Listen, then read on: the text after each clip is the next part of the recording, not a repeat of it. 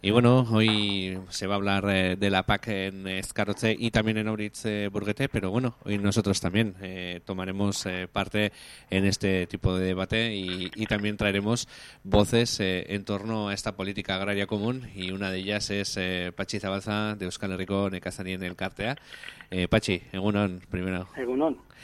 Bueno, comentábamos eh, la PAC, eh, esa política agraria común. Eh, cuéntanos un poco, así a grandes rasgos, de qué estamos hablando cuando hablamos de la PAC, que igual hay gente que no se entera o, como yo que no sabemos de qué se trata. Bueno, pues más o menos desde que entró la comunidad, entramos en la Comunidad Europea, el Estado español. bueno, pues se cobra para igualar o para, bueno, en, en principio es para que los precios de mercado, los precios de nuestros productos no aumenten y por lo mismo a los consumidores el precio de, la carne, de las verduras, de, del pan, de todo, eh, sea más económico, nos, nos dan una ayuda, ¿no? Nos, nos ayudan para que, para que los precios puedan ser más bajos. Y bueno, esto es sigue un poco la PAC, ¿no? Entramos en la Unión Europea y a partir de entonces, de diferentes maneras, se ha ido cobrando, se ha ido cobrando. En principio se cobraba por un tanto por, por animal y por producción, luego por, por ternero engordado y, y cuando teníamos un año nos pagaban de un tanto por ternero y bueno, luego ha cambiado todo lo que es la PAC. Y en principio, pues esto es eh, el, a nivel general en toda la Comunidad Europea cobramos más o menos parecidos, pero luego los repartos en cada país, en cada provincia son totalmente diferentes. Es, eh, la partida, si quieres, es la misma, pero es parecida, vamos, para todos, pero se reparte de diferentes maneras en diferentes países, vamos, y provincias. Eso sería un poco lo... Y bueno, eh, cuéntanos un poco cómo, eh, cómo digamos, eh, influye el reparto de la política agraria común en el día a día de los agricultores y ganaderos y cómo se reparte hoy día.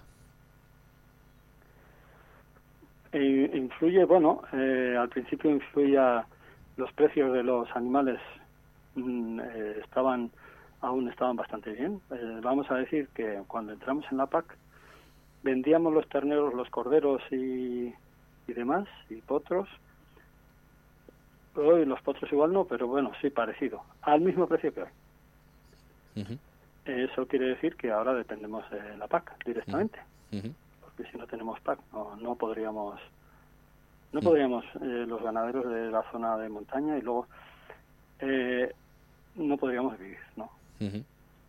¿Cómo se reparte ahora? Pues la PAC a partir de 2003 pues se hace una reforma en la Comunidad Europea, creo que entra hacia el 2006, y se reparte, eh, se hace un cálculo, unos, hay unos años de referencia anteriores, que lo que hemos cobrado cada ganadero, y se reparte a función de ese reparto, ¿no? De las vacas que teníamos en el, no me acuerdo ahora exactamente, el 2003 y el 2005 creo que eran, de 2003 al 2004, no, de 2004 a 2005, creo que era algo así, eh, se hace un, cálculo de lo que cobrábamos cada ganadero y entonces a función de eso se hace un cálculo y cobramos tengamos ganado o no tengamos ganado. Eso quería decir que, por ejemplo, un ganadero que quita, eh, se besaba la actividad podría cobrar la mitad, o sea, vendía las ovejas, las vacas o lo que sería, y podría cobrar la mitad de,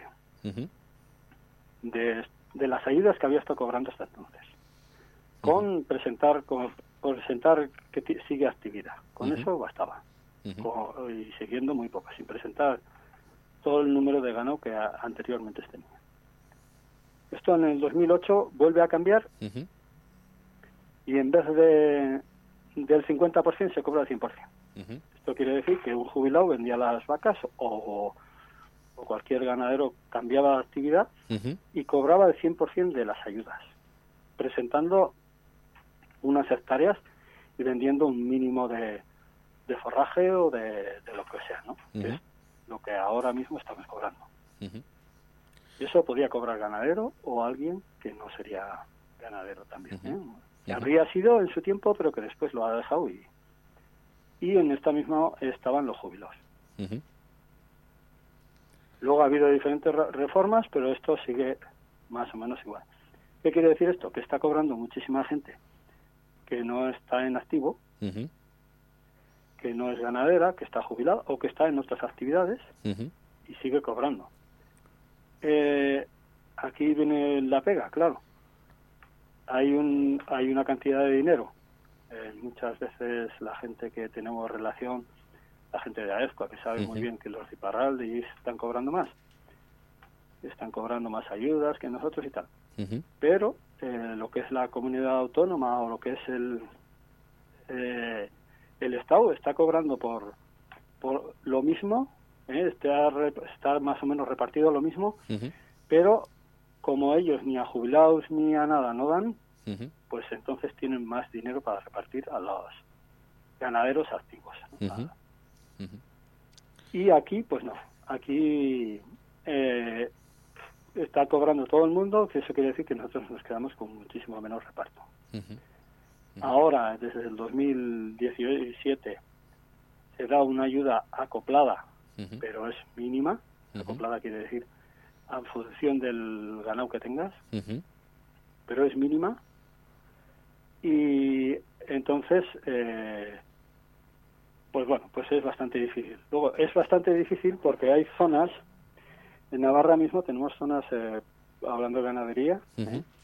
zonas que son muy fáciles de, trabajar, por ejemplo la zona de Bastán, que necesita muchísimo menos gasto que zona de Valcarlos, Valcarlos Burguete, Aescoa, Salazar, bueno, zonas altas que necesitamos muchísimo más gasto de, de esto, de forraje, porque los inviernos son mucho más largos. Y aquí es donde empezamos a tener problemas, ¿no? De que se cobra muy poco, no es suficiente, Luego los mercados, eh, los el libre mercado nos ha traído que los precios han bajado, han bajado en picado muchísimo. eh, esto antes había unos, bueno, unos precios de intervención y tal y cual, que los estados lo que hacían era bloquear. Por ejemplo, si había exceso de cereal, de, de, carne, de lo que sea, el Estado intervenía y lo a un precio relativamente bajo, pero sin dejar caer los precios demasiado. Y luego esta, esto salía cuando eh, había escasez y volvían a subir los precios. ¿Qué, ¿Qué hacía esto? Entonces, esto mantenía, si quieres, un poco el precio. Mantenía el precio de los de, de lo que teníamos nosotros. No bajaba demasiado, tampoco subía demasiado, entonces tampoco estaba mucha gente de acuerdo, pero era una forma de regular un poco los precios.